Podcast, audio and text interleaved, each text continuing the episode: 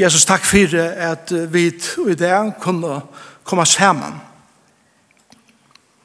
Takk for at tøyt år det brøytes ikke om vi brøytes. Det brøytes ikke om lovene i landen brøytes. Det brøytes ikke om hukkbordet med folk om te og om tøyt år om tøyt folk brøytes. Det er takk derfor. Tæsta fyrir det er tvui edja og det klyver i jøknum helt inn av mørk. Og tog bi herre Jesus om at ta et her er klov i jøknum og vi vil litja totalt åpen inn av mørk at han må være tøyn olja, tøyt balsam som er helt inn i okken som grøyer og som reiser opp og som djever okken just her og i okken tørva til å leve sammen og å leve som er her. Og i Jesus er navnet. Amen. Det er en minnesøva og en større søva og i livene til åkken øtlen. Øtl er åkken i livene her var en minnesøve og en større søve. Og det som mener vi er til at vi vi har en ta minna er han sövan som vi söker fra våra egna perspektiv. Så det som jeg opplever livet, så det som jeg opplever hendingene i min livet, og det som jeg så eh, konkluderer fra tog. Det er minne søven, men den større søven i livet, er til at god skriver syna søve og i min er søve i livet. Vi gjør når han han hever og i min hending og min søven en større atlan vi og ui heimhendningen som færa fram og i min liv. Og tess meira vi skifta fra at bæra at sutja liv i okra egne eier og opplevingene fra en jørskun perspektiv og litt okra opp inn i de store søvna som god ser og som god skriver okra liv tess meira meining djeva allar upplevingar og allar hendingar i okra liv. Eisen ter tunko, eisen tar truplo hendingar i okra liv. Biblia forteller om en god som, som hever eh, valgt at trakke inn i livet av kvarjen og en menneske. Og i jøkkenen til hendingene som, som til menneske opplever, er han alltid i fer kjolt kjolt heimon som renna fra honom. Og det gjør vi det ødelig av henne. Kjolt et heimen hendingen er han i fer som er karlagsfotle feir er at dri okon narre og narre og narre til søyn som en elskande feir som hever ein oendalian og oærmarskajan og otømande karlaga til okon. Så kære søster og kære bror som er her morgen, og du er kanskje angstande løyven og fært ur ho, at renna undan god, renna fra god. Kanskje er det ting til tunne løyve som du føler at, at er ikke er færa veien. Men Guds høva i tunne løyve og i munne løyve til at er en sannleggje, er til at kjolt og i jøgnen til leier herrende som elskande fæger, inn i sina faunar for at han kan fortelle at her hvordan og endelig han karlæka han hever fire der det er søvn om Jakob og i gamle testament. For det er søvn om Jakob så sørger vi fra byrjan av. Jeg heter en søva som er eikjent av brottnum forholdene som er eikjent av brotten og familieforholden, som er eikjent av futsinskapet og hætre, og som er eikjent av svitje. Men han er eisen eikjent av er god til verska og gjer et versk og gjøkken av mann som han har valgt, at gjer et sutt versk og gjøkken, lyga mykje, hvordan han ser løyv løyvene og ena for vær. Høvespersonen i søvn til Jakob er ikke Jakob, som leis som høvespersonen, søvn som er, og så ter, er ikke to er, men god, som drever han spekler til sånn som han elskande feir. Og det er et vers i Nudjelsamentet som Helianten har valgt å skrive om Jakob. Og i ødlund hendingen som Jakob var i jøkken, og i ødlund tøy som Jakob gjør det i livene. Valgte Helianten i Hebreerbraun å fortelle om hvordan God er endan i hans løyve sa henda mann. Hebrea brevet 11.21 sier så leis, Vi trygg signa i Jakob ta i han døye, boar siner Josef, og tilbe lutande iver stav søgn.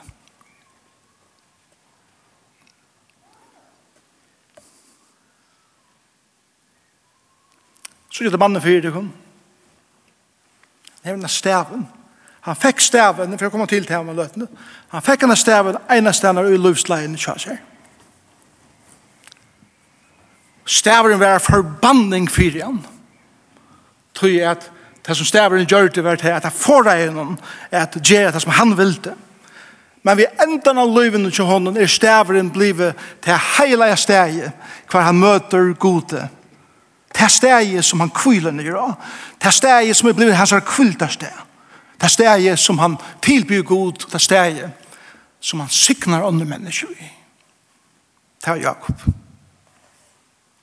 Og tar vi ikke at det er en karakter trettje, eller karakterstudie av hvor Jakob er, så vidar vi at Jakob var en maver som var driven av svitje. Han var driven av troen etter ljøten vinnig. Han var driven av hesen at manipulera. Og han drivende av kjolsøkene.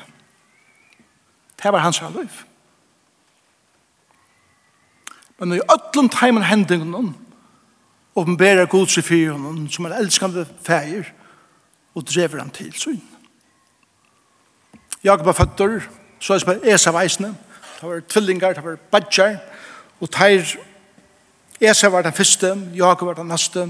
Esau han åtte i arven som den første fødte. Da vi leser patriarskene så, så videre vi at familiene var åtmedelige troplar.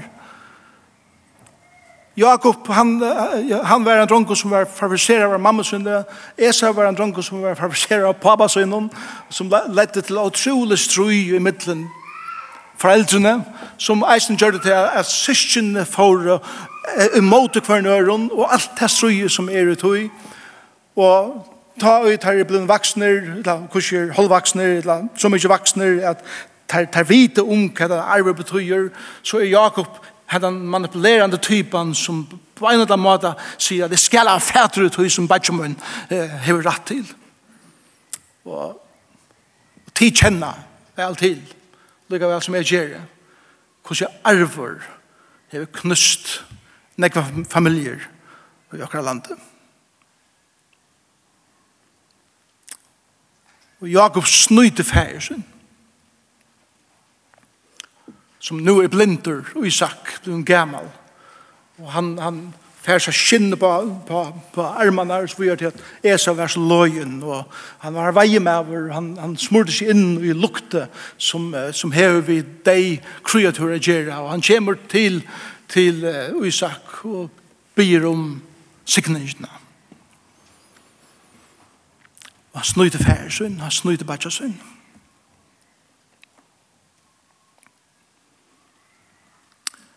en dag som er av heim, og han er deg trøytter, han er ved veie, og, og han spyr bare som han kan få ete, og Jakob sier at, skal gjøre deg ete, men det er greit hvis du lover meg, jeg gjør meg til nerv. det var en dyre greiter, Esau sa at henne der inn. Men det var alltid at det er manipulerant, og Jakob er stavet høy. Bæg sikningen som Isus skulle gjøre noen, og arven som Esau åtte. Og hva lette det til? Lette det til eh, låsong i familiene. Det lette til til at Jakob måtte flytja. Og Jakob flytja i ur sin heime, ur sin trygge omstøven, inn i et fremmant land. Pura ensamater. Jeg var snutt og bedrygge. Man skulle tro at, at Gud nå heier at han sinnerleie, hva han sier vi igjen, Jeg tror ikke jeg vil til å gjøre mer. Du er snutt og bedrige, og nå må du bare leve ditt liv som du vil. Jakob, han legger seg sova en av sammen. Og han drømmer en dreim til nattene. Og ta leser vi om i 1. Mosebok, kapittel 28, vers 12. Jeg skal lese til versen 4. Herren åpenberer seg for Jakob Sjølv ta i han hever snutt og bedrige og er av ved av flutja. Så hever god ut hos store søvende stadvekk synar atlaner vi Jakob. Og god sier vi han i vers 12 at medan han ligger og svever og han ser himmelen åpner og en stie kommer fra himmelen nere i hjørnet og han ser englander fer opp og nere i kjøkken stien og god sier såleis vi Jakob i dreimen i vers 13. Og Herren står framme for han og sier, Jeg er i Herren, God Abrahams færestøyn, og God Isak, Isaks, landet ui to nu ligger ui, det er djevjet her, og avkommet høynen. Avkommet høyt skal være som dustig av hjørne, og du skal breia til vestretter og estretter norretter og soretter, og i tær, og i avkommetøynen skulle atler atter av hjørne være sikna signaier. Sier du, God heie sett seg fire at bruka Jakob til nega. Og det som Jakob gjør til i livet, hvis sjølvan og i jøkken sånne lister, Fora i god er stadigvæk ikke at uten at her som god yngste ved Jakobs og Løyve. Det Jakobs og Løyve er agent av, av noen ting. Han yngste nega anna enn at god skulle nøkta hans her Løyve. Det var nummer ett. Nummer tvei, han troa i etter, eller han troa at han kunde utvias her sina egne løyvsglede. Det var nummer 2. Nummer tre var at han valgte at utnytta forhold som han heier vi ånder for jeg lytter seg sjåvan opp. Og skær ånder av, i stedet for sjåvan være sårbær. Og nummer fyra, han opplevde en støva nyrgångt, og i leidanen kjå seg, jeg leida opp etter. Det gonger bare verre og verre og verre kjå Jakob, og i sånne lytte lyttelsøv. Men en god søve, leie god han til det som han hever atla Jakob til. Kjær tid. Det er ikke at menneskene Ta vet ikke hver menneske er kanskje beint nå og i terra lytte søve. Så, så, så må vi som tryggvande folk, som tryggver på en god, som er en karlagsfotler avgjør feir. Så må vi byrje å sutja de menneskene ikke i terra lytte søve, men i god søve fyrt hjemme.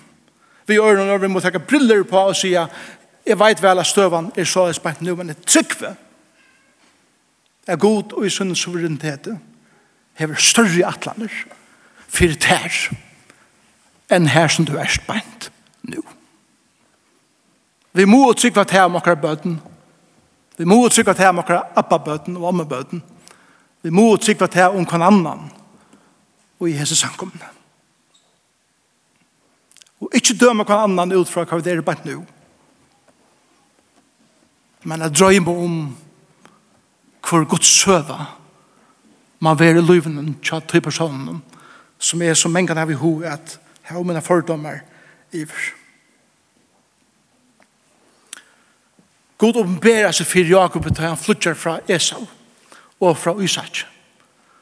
Vi leser atter om Jakob, vi leser støya for inn i alle versene, men i, i kapittel 1 så er at ta i han som flytter fra Lapan, men det er Lapan, det ble støya for Jakob. Jakob er vel og vilja snytter av Lapan, Han han reina snutt, han var snutter. Han han arbeid skei og er fyrir sin fyrste kone og fer ta notten kjemur. Ta skeive kone. Og han arbeid skei og træt fyrir at få ta røtte. Så så han enda ved tveimen konen, stakkalen.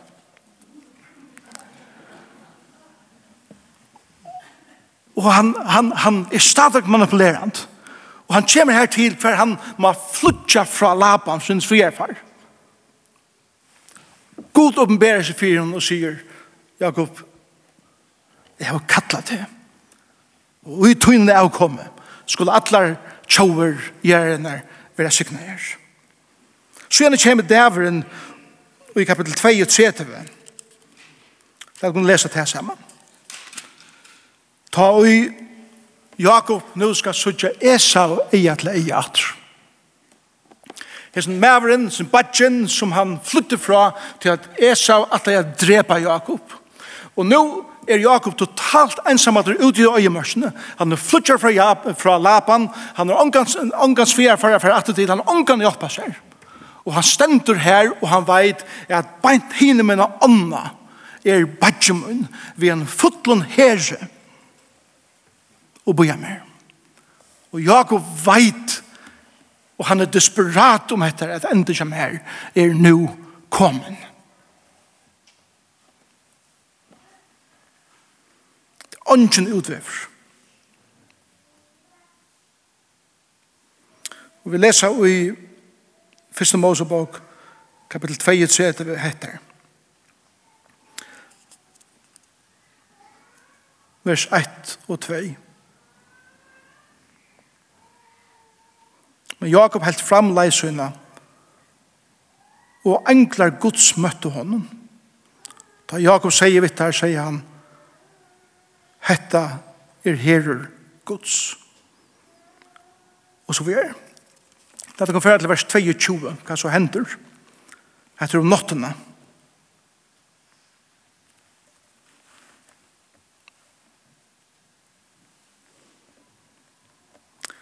Fyrsta Mosebok 32 og vers 22.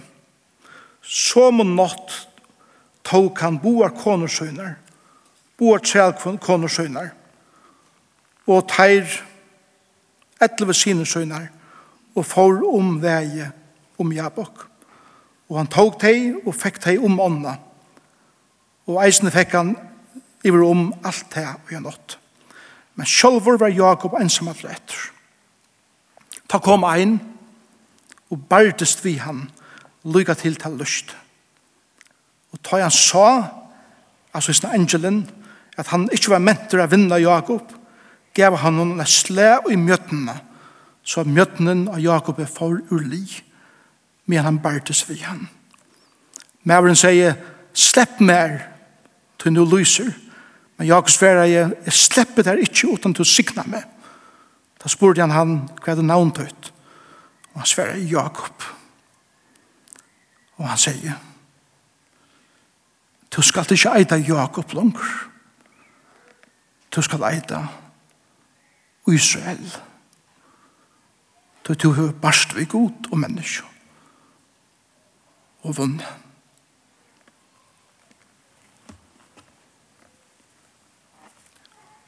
Hendan notten brøtt i Jakobs liv. Hetta var natten da Jakob var kommet her til løven og skar ønsken utvever vær. Han var ferdig så langt, lagt nyer og i sånne rønda kom opp etter at han sa deg igjen i egen. Hesa natten han møter god honom. Hesa barda en evig angel gods. Og til at han ikke vinner Jakob betyr meira ut i hebraiska at Jakob vil ikke slippe noen. Det er ikke som han krøtjer ikke ui han vil ikke slippe. For en god til signan Han, han, han veit fra søvende til seg at God hever vært vinner, God hever åpenbæra seg, God hever giv meg lyfter, nå møter han eia til eia, og jeg slipper han ikke, for han hever sikna meg. Og hvis Angelen, han teker, hva er som han teker nevan, han gjør, han slær inn av mjøttene av Jakob, og han helt, Jakob haltar resten av sin liv. Her er det stavren kommer inn. Og Gud sier vi Jakob etter kvölde, du skal sjå etter Jakob langer, du skal leite Israel. Vi gjør når han den gamle to, det som to ei kjennes det av, til Jakob betyr er være snyter og bedryere, kjettere til tikkun som eiter Jakob, og har en signa til kran løyv, og være vittikum, leia tikkun fram, Men Jakob betyr å være en som snyter, en som er manipulerande, som, som misbrukar ånder seg sjølven til vinning, til tøtningene av, eller, ja, til det som navnet Jakob tøyer. Og god sier vi Jakob etter kveld, at tøyen ikke her er kommet, at slippe hæsen, løvstøylen. Tøyen ikke her er kommet, at få en annan karakter. Og Israel betyr at god sikrer, eller at god ræver, tøyen til her er kommet at Gud blir roa ut hun løyve. Tøyen til her er kommet at innsøkje at Gud har sikra og, og, i sunne store søve er han sikra ut hun løyve. Og fra tøy stund blir Jakob å leite heimat. Fra tøy stund møter han Esau. Og det som han er vant til at Esau for å gjøre mot seg, gjør det han alls ikke. og tar møttes datter. Løyver seg Jakob brøttes at han er til. God møter natter og kjever han navnet i Israel i kapitel 36. Og i kapitel 46 høyrer Jakob første fyr at han har så mange år er at sonen min Josef som i helt verdier er livande i Egyptaland. Så er det konsekvensene av Jakobs og Løyve rakt i resten av Løyve. Bajan er ikke Josef tar selv og til Egyptalands til Jakob fariserer jeg sin son. Men god brøtt hans er hjerte. Og Jakob livna i opp at han hørte at Josef levde. Og så leser vi hese bei versene som jeg aldri er et ligla vers om Jakob. Først i kapittel 24 i første Mosebok, bent barnan døyr, Her sier det så leis, i vers 31, han sier at til Josef, at Josef skal gjøre seg lyftig om at han teker seg heima til Israel, at vi er gjerne over her. Han sier vi at han skal gjøre seg lyftig om det. Og så leser vi dette. Så gjør han leie på det, ta leie Israel se, det er ikke mye til han vil ikke nytt navn. For god, det er den ikke Jakob langer, den store søvann, er ikke nå, hendan, mannen, ta leie og yselse nyer, iver høttaleie og søngjene. Hva gjør det igjen? Hva gjør det tid til å leie kan iver høttaleie og søngjene? Det kunne stege og svev, men det sender og tilbe. Jakob ble så gammel nu at han orska ikke nekka med Anna enn bare litt søngjene. Han var ikke vel gongtur. Men hva gjør det han som han gammel med over? Hvordan enda en sitt liv? Han tilbe. Og Hebreerbrevet gjør åkne sier om medelig vøkre myndene at vi trygg sikna i Jakob ta i han døye boar sine Josefs og tilbe herran lutande av sin stav. Ta i han orska jeg kom ur sången og sida sangarsøsnen og prøver å reise seg opp så var det staveren som ble hans stol og staveren ble hans stav ja, tilbe herran Hva tilbe han herran fire? Jeg tror han tilbe herran fire heter at Takk for hik kvalitet hadde brest mine mjøten. Takk for i henne hendelsen at du ikke lovde meg her langer. Jeg bare livet mine lytte søve. Takk for at du åpenbærer jeg for mer at du har en større søve enn mine. Takk for at du gjør det mye før enn for jeg renner som jeg vil det. Men du får jeg mer genka. For at jeg skal komme i et tempo som er etter tøynen tempo. Så at løyve tjåken, og vår egne tempo er nek sjåtare enn Guds tempo vi har løyve. Vi er så opptidsen. Vi køyra så kjøtt. Vi har så nekk for gjøtten i elden. Vi er så involvera i så nekk. Jeg vil først må god sida jeg nemmer ut henne mjøten for jeg stekker det av. Og senast årene i min løyve er god atter og atter nå med den mjøten. Og han bråter meg mer og mer. For jeg skal stekke av. Og så ikke tøtningen er Hva det betyr at livet sammen er god. Så du, jeg og to er akkurat lykke som Jakob. Da vi vel hitje inn i akkurat lykke, så innskjer vi et mengene akkurat annet en god at nøkta okra liv. Det er veldig hittjen av min liv, så trygg vi at jeg sjolver kan utvia mer min egen livsglei. Det er veldig hittjen av mitt liv, så jeg ofta at utnytta forhold for min egen vending. Og mengan så opplever jeg og i rønden er at berja med sjåan opp etter at det gonger bare meira og meira nye etter. Og ta i og igjen innskje og videre innskje at finne oss anna enn god enn nøkta okra liv. Vi står og søvende åpenbæra god seg fyrir okken.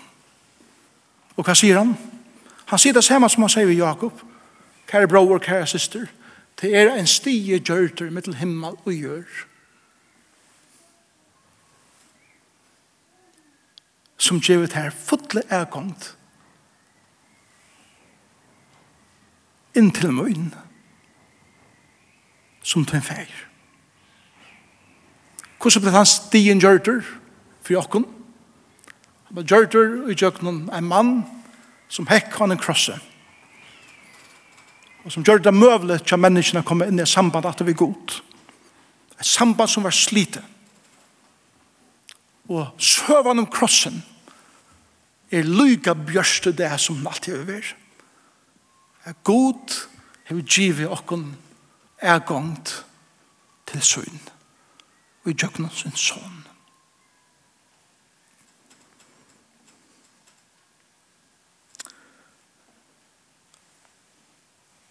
Som jeg enda hver tøyn staver her er det stav her er dit her er det stav jeg mener ikke bokstavlig hava denne stav. Er det anker tenker dere løyve som har som har kostet deg en sånn egg, som har bråtet deg, som på anker måte har knekka. Og det er pyner. Men jeg kan jeg minne åkken ødel av i det jeg kanskje er til det største som er hentet til liv. Det er det første stav, givna i håndene. Og det som føles pynefullt i det. For kanskje om mange år er vi et her steg som tog tilbyr god av og hugsa at rom at dette var godt. Så det brøtte mitt navn. Det brøtte min karakter til å løyve gode fra meg. Fra å tega og stjela gjør det Jakob en signar. Han signar i siner Josefs. Han er agent av at gramsa og tega under seg. Men som han gammal med vår var det vente høtte og han blæka i fra seg Jeg skal bare signa andre mennesker ved hvor han var og tas man nått. Så det er Mæver en kvinna som er mest av god til er mennesker som tjeva fra seg, heldre enn å gramsa til synd og det var Jakob.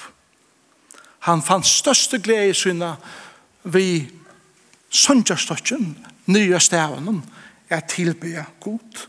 Og stavren som gjør det stolen til hans har brotten om jøden, ble eisen stolen til alt hans herre liv.